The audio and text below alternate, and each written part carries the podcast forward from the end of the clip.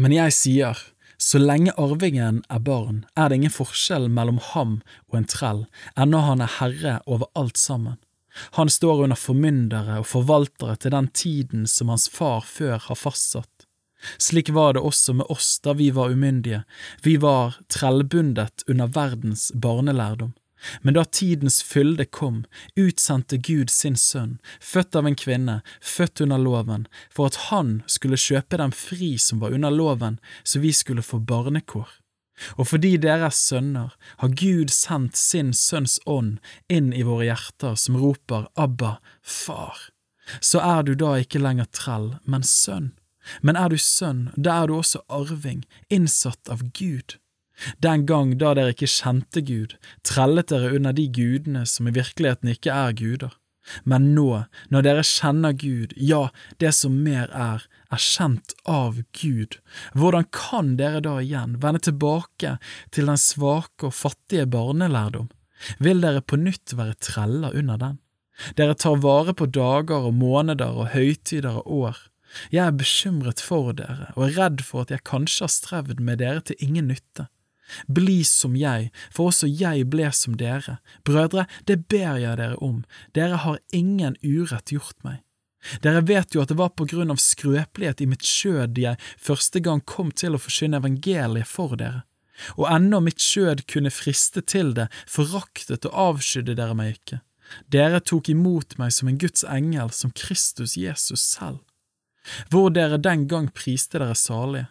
For jeg gir dere det vitnesbyrd at hadde det vært mulig, så hadde dere revet ut øynene deres og gitt meg dem. Så er jeg da blitt deres fiende ved å si dere sannheten. Noen legger seg etter dere med en iver som ikke er av det gode. Men det de ønsker, er å skille dere fra oss, for at dere skal være ivrige for dem.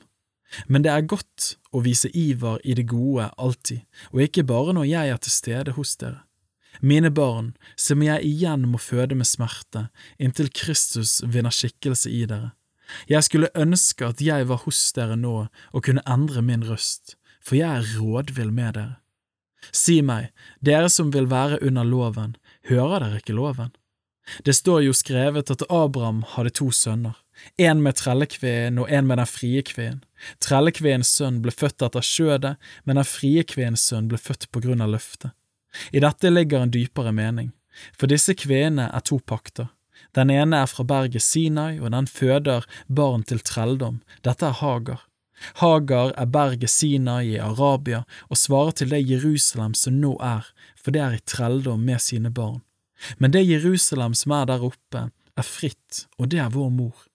For det står skrevet, Gled deg, du ufruktbare, du som ikke føder, bryt ut i jubelrop, du som ikke har fødselsveer. For den enslige kvinne har mange flere barn enn hun som har man. Men vi brødre er løftets barn, like som Isak. Men han som var født etter skjødet, forfulgte ham som var født etter åren, og slik er det nå også. Men hva sier Skriften? Driv ut trellkveen og hennes sønn, for trellkveens sønn skal ikke arve sammen med den frie kveens sønn. Altså, brødre, er vi ikke trellkveens barn, men den frie kvinnens.